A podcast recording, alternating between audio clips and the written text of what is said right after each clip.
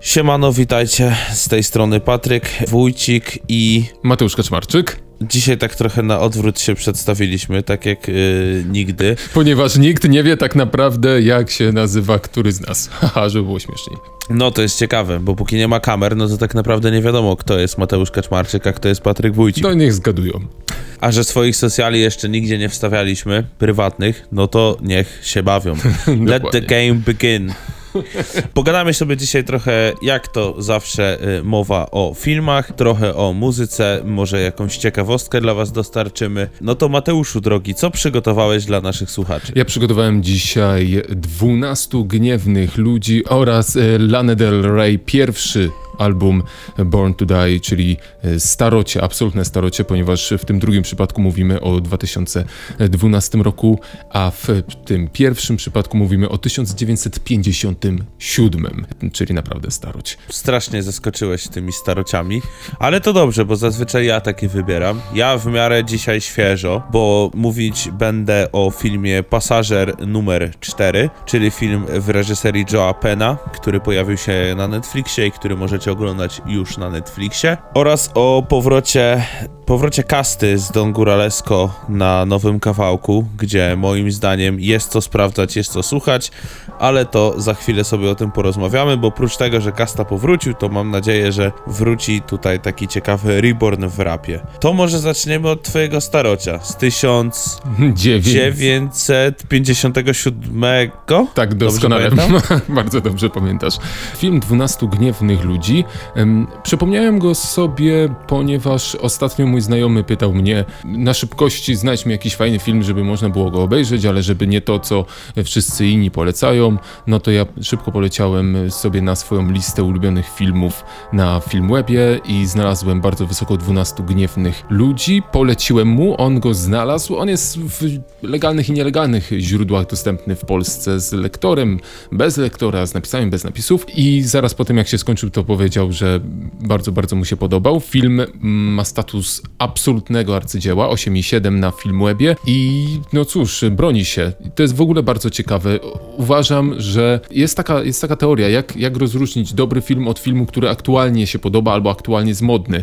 Otóż wielkie dzieła po prostu bronią się z czasem. Jeśli następne pokolenie wspomina jakąś książkę, jakiś film, albo jakieś dzieło muzyczne, albo w ogóle jakieś dzieło kultury i kolejne i kolejne i następne i następne pokolenia przekazują sobie wiedzę o danym dziele kultury, to znaczy, że rzeczywiście jest o czym mówić i ono się po prostu broni. Ten film jest jednym z tych filmów. To jest bardzo krótki, trwający półtorej godziny dramat em, sądowy, który w całości dzieje się w takim malutkim, bardzo dusznym nowojorskim pokoiku, w którym naradzają się przysięgli. y, dobrze mówię? Przysięgli. To są w Stanach Zjednoczonych y, kwestia sądowa. Tak, dokładnie, E, Siedzą sobie tak. 12 przysięgłych, e, którzy mają zdecydować o losie danej osoby. Sprawa dotyczy morderstwa popełnionego przez młodego człowieka.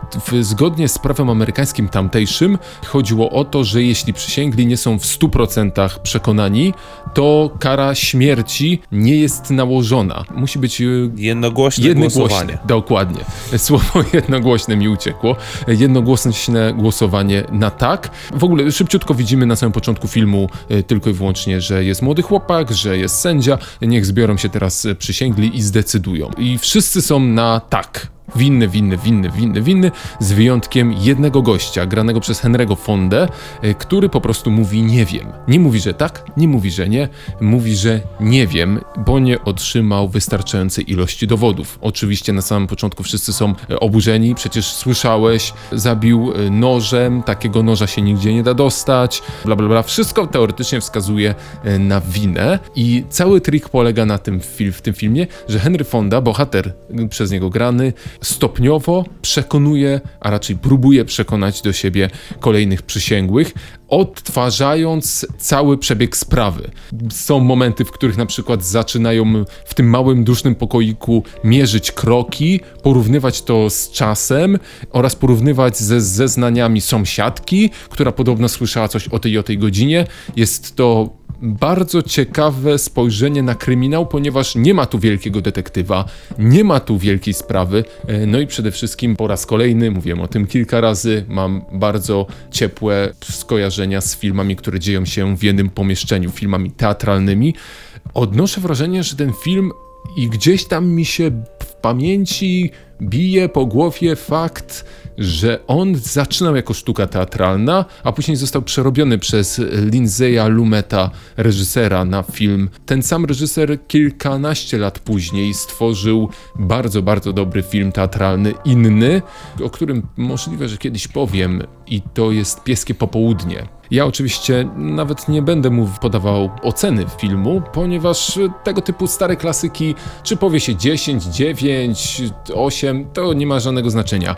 Film po prostu do dziś jest pamiętany, do dziś ma status kultowego i do dziś ma status arcydzieła. Jest szybki, jest lekki, sprawnie zagrany i absolutnie można go obejrzeć w nocy, o północy, jak i w środku niedzielnego, leniwego przedpołudnia, kiedy nie ma się za bardzo co robić. Jak sprawdziłem sobie, jest to dramat sądowy. Możesz mi powiedzieć, czym charakteryzuje się taki dramat sądowy? W sensie, czy to rzeczywiście każdy dramat sądowy jest osadzony w jednym pokoju, tak jak te przedstawienia teatralne w telewizji? Otóż nie. Dramatów sądowych, zwłaszcza w amerykańskim kinie, jest ogrom. Szczególnie w amerykańskim kinie jest to popularny gatunek, ponieważ jest ta cała obecność tych przysięgłych oraz e, rola adwokata jest trochę inna niż na przykład w polskim systemie sądowniczym, ponieważ tam elementem jest e, taka gra, przekonanie właśnie tych przysięgłych, nie tylko fakty, ale także właśnie charyzma i na tym polega ta druga część tego określenia, czyli dramat. Nie jest to kryminał do samego końca. Sprawa owszem jest, ale tutaj bardziej chodzi o to, żeby dramatyzować, rozdramatyzować całą zbrodnię. Dramatem sądowym paradoksalnie jest film, który jest bardzo popularny w Polsce, Adwokat Diabła z Keanu Reevesem i Alem Pacino.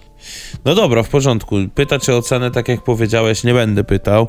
Jeszcze takie krótkie pytanie przed przejściem do mojego filmu. Czy warto wracać do takich, takich staroci? Myślisz, że takie starocie znajdą ujście u dzisiejszej młodzieży? Kilka razy się nad tym zastanawiałem, czy rzeczywiście e, stare filmy się bronią. Uważam, że są oczywiście filmy, które niestety.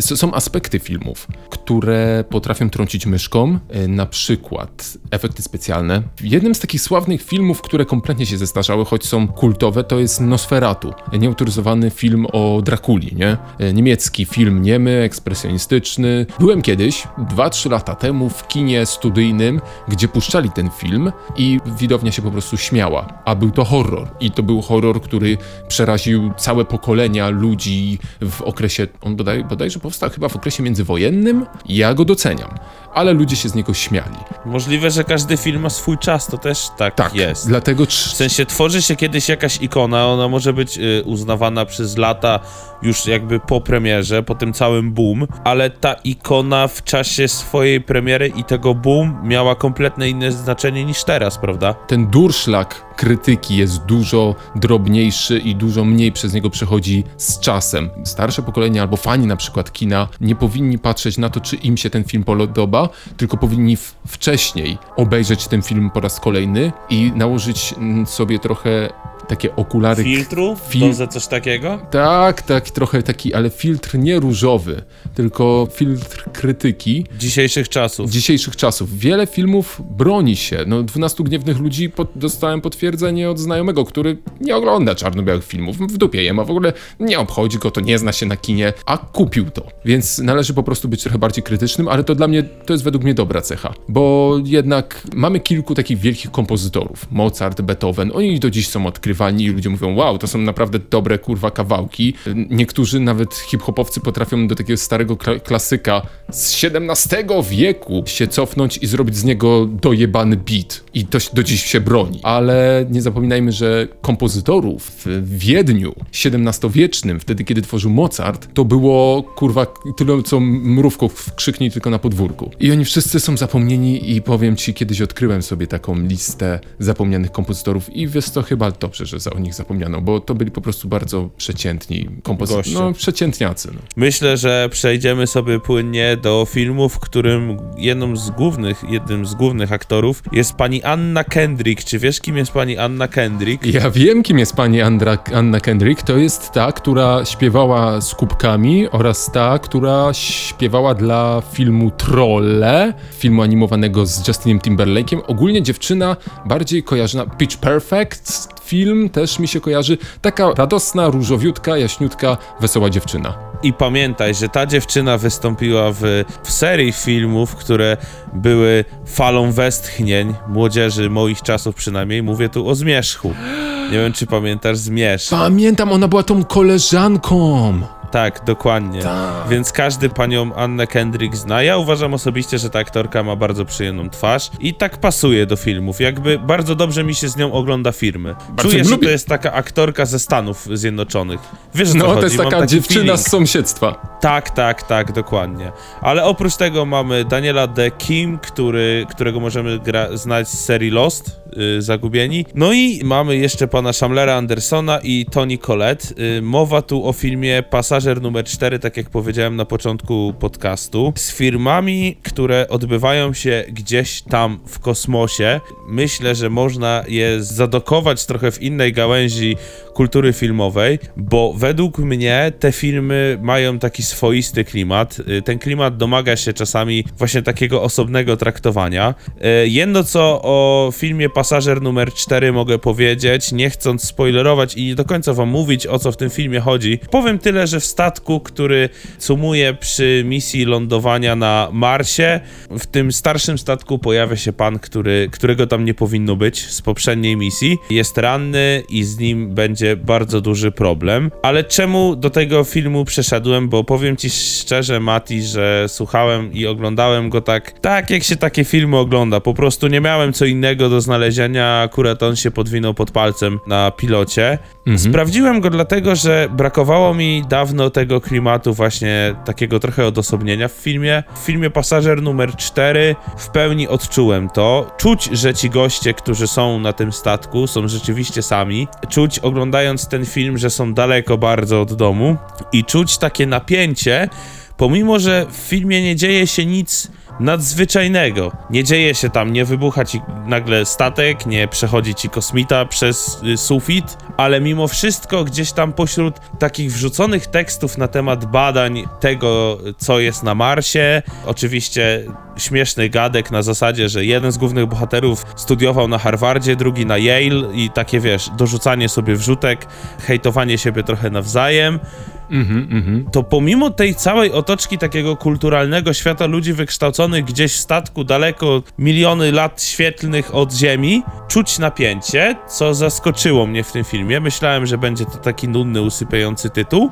Czy go polecę? Myślę, że tak, chociaż powiem szczerze, że nie każdemu ten film się spasuje. Na pewno nie jest to film, gdzie będzie non-stop akcja, ale będzie to film, w którym będziecie mogli trochę odpocząć właśnie od tych filmów akcji, trochę odpocząć od takich marvelowskich produkcji, DC produkcji i tak dalej. Trochę przypominał mi Apollo 13. Nie wiem, czy pamiętasz ten film z Tomem Hanksem. Pamiętam, to jest w ogóle biograficzny film o locie w kosmos.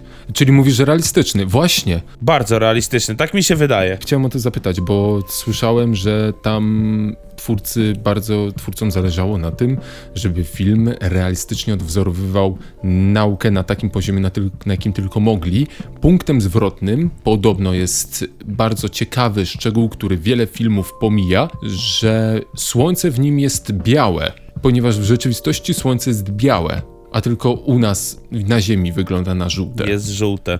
Tak, jest tak w tym filmie, to ci mogę potwierdzić. Mogę też jeszcze dodać a propos takich realistycznych rzeczy, y, że w pewnym momencie w filmie pada pewien moduł, o którym nie chcę dokładnie mówić i naukowcy, ci bohaterowie w filmie, posługują się takim językiem, który czuć, że nie jest na siłę wymyślonym pod to, żeby po prostu był.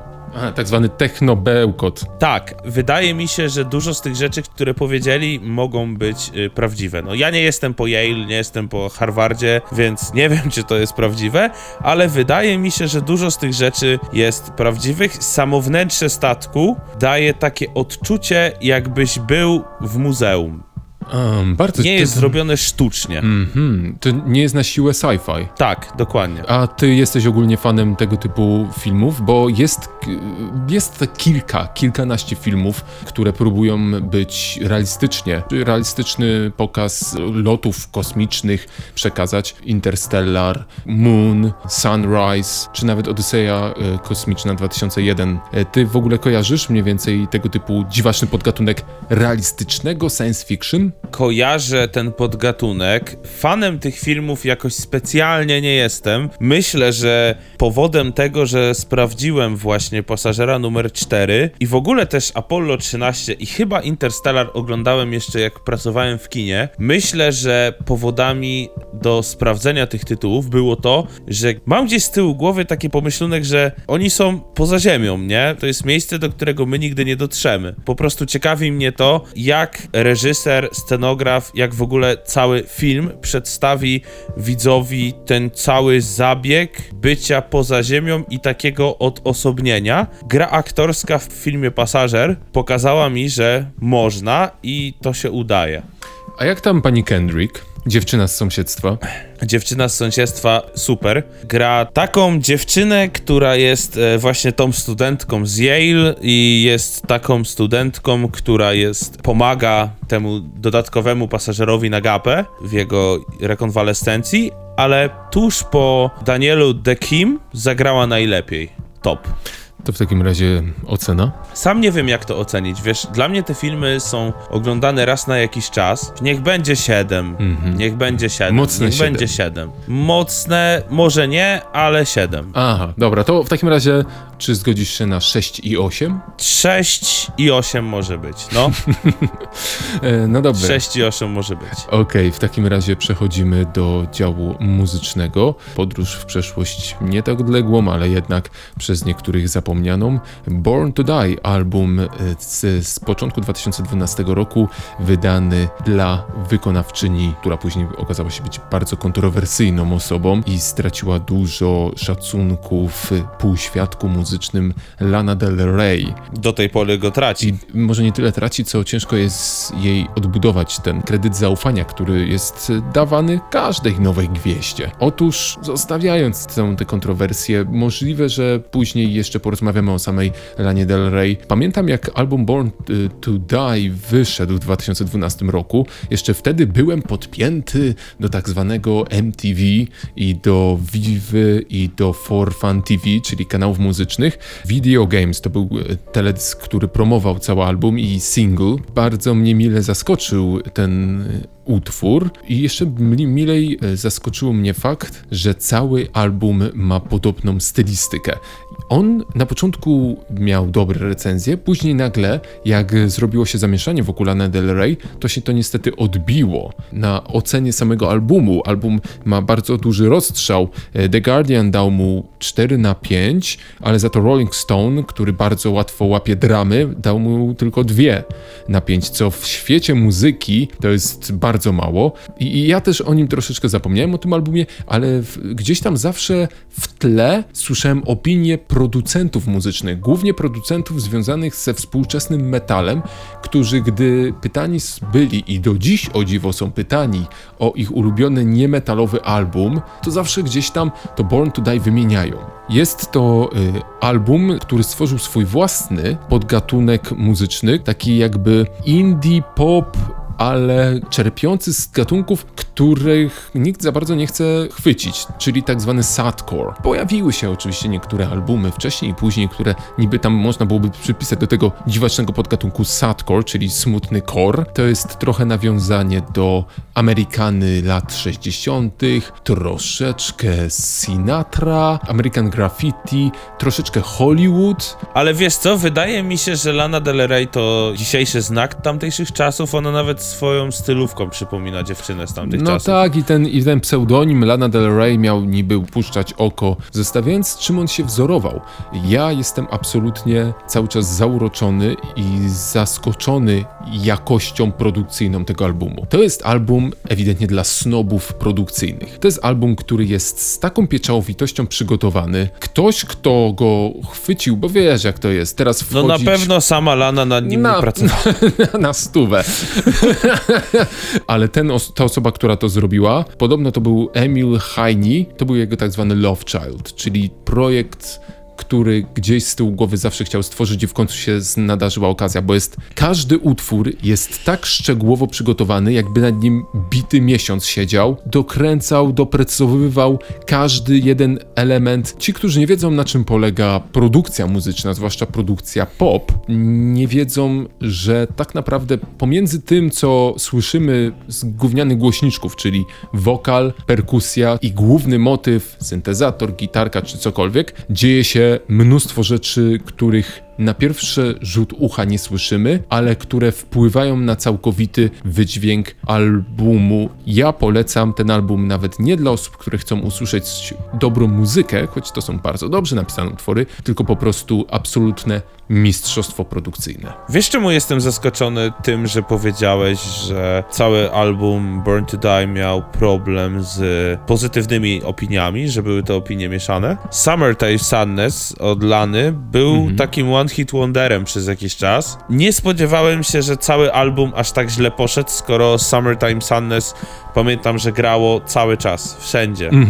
Ja pamiętam, że to było po prostu cały czas wszędzie. Potem chyba był jeszcze remix tego, który też był cały czas wszędzie. Bałem się wtedy, że to będzie naprawdę one hit wonder, bo uważam, że ta artystka ma predyspozycję, jeżeli chodzi o dobre wykonywanie muzyki, ma taki swój sznyt niepowtarzalny, co czasami u dzisiejszych artystów jest gdzieś zatracane. Nie każdy artysta ma ten taki swój sznyt, że powiesz, aha, to jest Lana Del Rey, Tak, no nie? tego, tego się jej nie da odebrać. Ona brzmi jak tylko ona i nikt inny. Nie pamiętałem tego albumu aż tak dobrze. Fajnie, że go w sumie przypomniałeś. No i Summertime Sadness to jest taki kawałek, duże porównanie, ale myślę, że na miarę dzisiejszych czasów, bo jeżeli jest wiele kawałków z lat 90., które nigdy nie umrą, jakaś typowa radiostacja prywatna, jak puści Nothing Else Matters Metaliki, to nic się nie stanie, bo to po prostu tak jest. Myślę, że to duże słowa, ale myślę, że gdzieś Summertime Sadness można wliczyć w ten kanon, bo czy ty go puścisz dzisiaj na wakacjach, czy ty go puścisz za 5 lat na wakacjach, nadal wszyscy będą wiedzieć, że to jest ten To kawałek. jest dobry kawałek, jak już, jak się e, impreza już powolutku kończy ogniskowa nad zajebistą plażą. Taka trzecia 30 w wakacje. No tak, dokładnie. Jak oceniasz Born to Die? Tak jakbyś ty miał ocenić, bo oceny są mieszane, a ty jakbyś miał ocenić? I daje mocne 7,5, żeby nie powiedzieć 7 i U, 7, wysoko, no. nawet 7 i 7. Ja zawsze go bronię i zawsze go przypominam i zawsze upieram się jak snop, żeby wysłuchano do końca, bo tam na samym końcu są równie dobre kawałki co na początku. No to super. Całego albumu mówię, musiałbym przesłuchać, ja pamiętam Summertime Sadness. Jeżeli miałbym oceniać na podstawie tamtej twórczości Lany, pewnie dałbym dosyć wysoką ocenę, ale to tak jak mówię, ze względu na to, że wszędzie to grało i strasznie kojarzyłem ten kawałek. Właśnie to też jest moim zdaniem problem, znaczy był problem, bo teraz mamy Spotify, nie? Ale problem radia wtedy, nie? Że wystarczy, że radio cię bombardowało jednym kawałkiem przez, nie wiem, cały dzień i to by siłą rzeczy w pewnym momencie był taki moment, że o, okej, coś nowego, potem o, to jest całkiem fajne, a potem kurwa, mam tego dosyć. Dużo się z tym spotkałem, jak pracowałem i radio gdzieś tam cały czas y, w tle działało. Na, części, na szczęście teraz mamy Spotify. Mam nadzieję, że młodzi ludzie będą korzystać z tego dobrze, w sensie, wiesz... Że tego nie spierdolą. Ludzie używają tego, żeby puszczać muzyki, no nie? Ale nie wiem, czy ludzie są świadomi tego, że Spotify, czy Tidal, czy w ogóle każdy streamingowy, SoundCloud, gdzie są też artyści undergroundowi, Mixcloud, to są niesamowite bazy, jeżeli chodzi o muzykę i można tam szukać i szukać i szukać i jeszcze raz szukać. Powiem tylko tyle. Na Spotify znalazłem mszę Bacha. To już tam chyba kurwa wszystko jest. Dosłownie. E, muzycznie Dobra, jedziesz? y, ja jadę muzycznie. Kojarzysz kawałek y, Peryferiach? Peryferie, Kasta Skład, Tak, Don u. i no to mamy powrót. Słuchaj, mamy powrót pana Górala i pana Kasty we wspólnym singlu. Kawałek, który się nazywa Maradona, miał premierę 29 kwietnia, więc idealnie przed majówką. Góral jest góralem, jeżeli chodzi o nawijkę. Kasta jest kastą, w nowym wydaniu, totalnie mi się wydaje. I co ciekawe, chłopaki wrzucili się na drillowy beat, mocno nowo, na, znaczy mocno angielski drillowy beat, co zresztą słychać. E, Ze swoich źródeł też wiem, że Kasta ostatnio gdzieś tam się szuka po tych e, angielskich zakamarkach drillu. Ja osobiście przyznam, że chyba to jest jeden z niewielu strzałów ostatnich starych raperów, powiedzmy sobie w cudzysłowiu, którzy się świetnie odnaleźli w drillu. Głos Górala i głos Kasty usłyszeć znowu jeszcze w nowoczesnym wydaniu, to jest jak ten słynny tekst internetowy. To jest coś, o co nikt nie prosił, a każdy potrzebował. Ale to bardzo ciekawe, co mówisz, bo w- też kiedyś doszedłem do wniosku, że starzy wyjadacze polskiego rapu powinni spojrzeć na brytyjską scenę, bo to jest taka fajna alternatywa, żeby nie być na siłę nowym, bo wiesz jak to jest, jak stary dziadek próbuje na siłę być współczesny, to w żadnym gatunku muzycznym nie działa. Lubię jak muzyk starego typu, żeby odkryć coś na świeżo, nie skacze tam, gdzie wszyscy młodzi ludzie, tylko do tego baseniku obok i nagle okazuje się, że impreza u niego, w jego baseniku jest fajniejsza niż ta, w której do tej pory byli. tak jak Stany były przez chwilę takim światełkiem w tunelu dla całego rapu na świecie, to oni mówili, jak to wszystko ma działać i po prostu dalej świat sobie to wszystko kopiuj wklej, kopiuj wklej. Szczególnie Polska, tylko że z takim pięcioletnim, yy, że tak powiem, uwstecznieniem. Anglia w pewnym momencie zaczęła robić właśnie ten drill, yy, zaczął być yy, robiony grime. Ten rap zaczął brzmieć totalnie inaczej niż wszystko, co jest gdzieś tam obcuwane w rapie. Mi się wydaje jeszcze osobiście, że dużo, duże znaczenie w tym wszystkim miał język i to, że ten angielski używany przez czarnoskórych tam w Anglii, to jest taki African English, to nie jest taki do końca angielski, ani też amerykański, to jest taki ichszy język, taki głęboki angielski, taki sloganem tknięty angielski.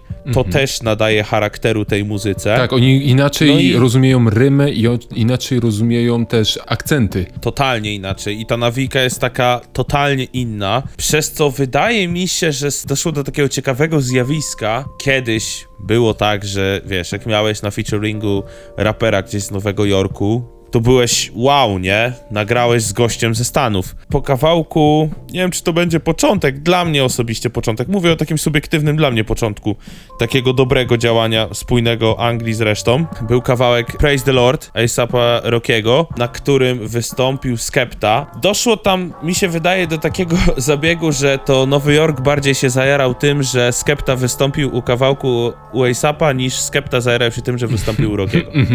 Zmierzam do tego, że słychać, że ten angielski drill gdzieś tam dobrze by się wpasował w Polskę. Polskie rymy mogą być dużo łatwiejsze. Ten przekaz cały czas jest, chociaż o tym przekazie to po prostu już nawet mi się nie chce słuchać, bo w polskim rapie o przekazy jest gadane odkąd Pik wyskoczył na koncercie Quebo na Fide i krzyknął, że to nie jest hip-hop. Nie wiem, czy teraz powinien się ugryźć w język, czy nie. Ja uważam, że Quebo jest jak najbardziej hip-hop. Ten drill angielski wydaje mi się, że totalnie by się wpasował w Polskę. Fajnie, że starsi artyści się otwierają, że otwierają głowy. Tak jak Kasta był przez chwilę cicho, tak teraz mi się wydaje, że strzał w dziesiątkę. Powiedz mi, czy tak jak obserwujesz scenę raperską w Polsce, jeśli Polacy mieliby stworzyć swój pododdział, czy jest gdzieś prześwit taki w obecnym polskim rapie, który mógłby być początkiem naszego polskiego podgatunku? kolejny podcast i powiem coś. Wyjdę na Psycho, ale nie jestem Psycho, żebyście wiedzieli. Wydaje mi się, że zawsze to będę powtarzał. Duet Problem i Stis na bitach, który remiksuje stare transowe kawałki w hip-hopowym wydaniu, w rapowym wydaniu, a do tego Oscar dokłada polską rzeczywistość przy storytellingu. Tak mi się wydaje. Tylko, że widzisz, jest mało problemowych ludzi w polskim rapie, przynajmniej w tym mainstreamowym. Mówiąc w Trzeba ogóle o poczekać rapie... jeszcze dwa sezony według mnie i inni zaczną ten problem dostrzegać. wiesz, problem egzystuje już jakiś czas, nie? Jakby mi się wydaje, że też artyści się trochę boją, w sensie ci młodzi, zrobić problemowych rzeczy. Nie każdy czuje ten klimat, nie? Większość artystów z podziemia, którzy teraz tworzą, słuchają zagranicznej muzyki, no i chcąc nie chcąc, ta zagraniczna muzyka tak na nich działa, że oni sami zaczynają robić tą zagraniczną muzykę. Doszliśmy do momentu tego, który się dzieje za granicą na zachodzie, czyli rap undergroundowy jest moim zdaniem totalnie lepszy słuchalnie, jakościowo może nie do końca, ale muzycznie niż mainstream. I to tyle o rapie. Masz jakąś ciekawostkę? E, Mateuszu? Mam ciekawostko pytanie, kontrowersyjne, ale uwielbiam kontrowersje. Jesienią mają się rozpocząć zdjęcia do nowego filmu Romana Polańskiego The Palace, czyli Pałac. Współtwórcą jest jego przyjaciel, skądinąd bardzo dobry reżyser e, Jerzy Skolimowski, uznany z- za granicą bardziej niż w Polsce. No i wszystko ma być tworzone dla nowego przyjaciela, jednej z niewielu osób, które wciąż na niego patrzą przychylnym e, wzrokiem Paolo del Brocco. Moje pytanie brzmi, no bo Roman Polański kontrowersyjny był zanim to było jeszcze modne. Hipster kontrowersji. Hipster kontrowersji absolutny, on jest kontrowersyjny w ten najgorszy możliwy sposób, czyli oczywiście e, ma za sobą konotacje związane z, z, z współżyciem z nieletnią. Dopiero teraz wychodzą na jaw różne dziwne brudy różnych dziwnych, sławnych ludzi i chyba dlatego, że to była pierwsza tego typu sprawa, świat filmu nie wiedział jak na to odpowiedzieć, więc nabrał wody w usta i pozwolono mu dalej kręcić filmy. Później to wróciło, bo kilkanaście lat temu ponownie został zaciągnięty przez sąd, musiał uciekać, kręcił filmy z Paryża, gdzie popełnił kilka wyjątkowo dobrych filmów. To jest taki przykład gościa, którego wszyscy w Stanach Zjednoczonych nie lubią. Uważają za małego, dziwnego Europejczyka, absolutnego zboczeńca, który powinien siedzieć w więzieniu, a on cały czas wypluwa kolejne filmy i te filmy są po prostu bardzo dobre i, i, i jest taka, to jest jedyny chyba filmowiec w tym momencie, który tworzy aż tak wielki dysonans. Bo zauważ, że Harvey Weinstein zniknął i po prostu skreślono go, jebać. I ludzie nie wspominają o tym, że to on, y, nie broniąc go absolutnie, że to on odkrył Quentina Tarantino, że to dzięki niemu powstał Władca Pierścieni, że chłop rzeczywiście, jakim by prywatnie nie był absolutnie niemoralnym człowiekiem, tak miał dotyk Midasa. Ja nie mam poglądu na tę sprawę, troszeczkę się czuję zniesmaczony Romanem Polańskim, tak bardzo jak mu kibicuję jako naszym ludziom, wiesz, w tym wielkim świecie. Ja chciałbym, żeby on cały czas tworzył te filmy i udowadniał wszystkim ludziom, że jest wybitnym reżyserem, którym jest, a z drugiej strony czuję, że po prostu, no stary, kurwa, spierdoliłeś sytuację i jesteś oblechem, no. Znaczy ja z Romanem Polańskim mam pewien problem. Mianowicie traktuję jego twórczość jako coś ok, ale samą osobę wolę się na temat niego nie wypowiadać. Tak w ogóle się nie wypowiadać. To był taki nasz złoty strzał w Stanach Zjednoczonych, który do końca nie był złoty. Może to był taki ostatni złoty strzał, rozumiesz? Mhm. No tak, no tak, potem już się naprawdę nam y, są pojedynczy, no, są nasi y, operatorzy kamer. Ale wiesz, no jakby idąc tą drogą Logiką. logiki, można mówić, że wiesz, dużo jest nazwisk kończących się na ski, więc można powiedzieć, że panie, to to połowa tego Hollywood przez Polaków zrobiona. Tak, tak, to też słyszałem, bardzo się z tym nie zgadzam. Zawsze doszukiwanie jest się Tak. przez Polaków Tak, że Warner to był nazwisk, polski że... Żyd i on uciekł. Tak. Właśnie, bardzo dobrze. Nienawidzę tego. Tak, ja też tego nie cierpię. W ogóle jestem tak tym zmęczony. To jest taki przykład ma małostkowości. Wiesz, po co tak gadać, nie? W Po sensie... cholerę, tak, Moim zdaniem do momentu, aż artysta nie stwierdził, że jest lub nie Polakiem. stwierdzi, że słuchajcie, mam korzenie polskie i się tego nie wstydzę, to po co w ogóle to rozgrzebywać? Gość ma obywatelstwo amerykańskie, whatever shit. Tak naprawdę każdy Amerykanin ma obywatelstwo, czy ma korzenie albo angielskie, albo niemieckie. no Albo przecież on- irlandzkie, albo kurwa se- Albo irlandzkie no. i tak dalej, więc stary, no to nie byłoby Amerykan. Tak. Może, może teraz ja ciekawostkę powiem, Mhm. bo mówiłeś dużo o kontrowersji. Kojarzysz taką panią jak Esmi Bianco, aktorka z gry o Tron? Tak, tak, tak, tak, tak, tak, tak. Esmi Bianco. Tak? No. Super. No to dobra, no to mówiąc, że szukamy kontrowersji, no to co odpaliłem? Odpaliłem oczywiście TMZ amerykańskie. Najlepsze I pierwsze co znalazłem to, że Marilyn Manson y, w około y, maja 2011 roku starał się zgwałcić Esmi Bianco nazistowskim nożem. Co? Jest cały artykuł o tym, jakbyś chciał zobaczyć to na TMZ. Więc ja tylko przekazuję to, co jest na TMZ napisane. Jeżeli ktoś będzie chciał, to sobie to sprawdź. Ona się, widzę, kumplowała z Marilinem Mansonem swego czasu. On jej obiecywał, y, podobno, miał, powiem to jak w mediach takich, wiesz, miał jej obiecywać rolę w jakimś filmie. Ona do niego się tam do Los Angeles wyprowadziła. Mieli dużo narkotyków spożywać, dużo alkoholu. No i pan słynny od wyciętych żeber, chociaż nigdy nie wiadomo, czy tak było, dopuścił się takiej strasznej rzeczy. Z, ba- z Merlinem Mansonem teraz jest y, dosyć gorący temat, bo kolejne rzeczy wychodzą. Śmieszy mnie jedno, gdy jakaś gwiazda nagle ma ogromny problem PR-owski, tak to delikatnie ujmijmy, e, w związku ze swoim zachowaniem, a na YouTubie cały czas są wywiady z talk show, gdzie o, ale you are so great, you're so amazing, ale to jesteś funny, opowiedz coś śmiesznego. I Marilyn Manson też był, wiesz, udzielał się w wielu wywiadach. Marilyn Manson był swego czasu uważany za najinteligentniejszego rockmana, który zjadał wszystkich na śniadanie swoją logiką i odbijał każdą obelgę, ta? i za to był uważany za takiego trochę PR-owskiego bohatera dla różnego rodza- rodzaju dziwaków, odszczepieńców, ludzi, którzy są, po prostu mają dziwne hobby i nie do końca są typowymi amerykańskimi Jane i Johnem. Ja z Marilyn Mansonem miałem generalnie taki problem, że jakoś ta specjalnie jego twórczości nigdy nie, nie, nie pasowała mi, w sensie, no nie, nie lubiłem go słuchać, nie będę oszukiwał. Nie lubiłem go słuchać. Licząc na taką mroczność całą, którą tam starał sobie wokół siebie robić, no to przypominam te takie nasze pierwsze odcinki kompresora i scenę norweską Mhm, black metalu. mhm. Więc come on Marilyn, you must try something more. No, no, tak, chyba tak, chyba rzeczywiście. Chyba będziemy kończyć, no nie? Tak E, mi się za- wydaje. Zakończmy tym e, ciekawym wątkiem. Zobaczymy, jak to się wszystko rozwinie. Do następnego tygodnia przed mikrofonami byli Mateusz Kaczmarczyk. I Patryk Wójcik. Do usłyszenia. Na razie.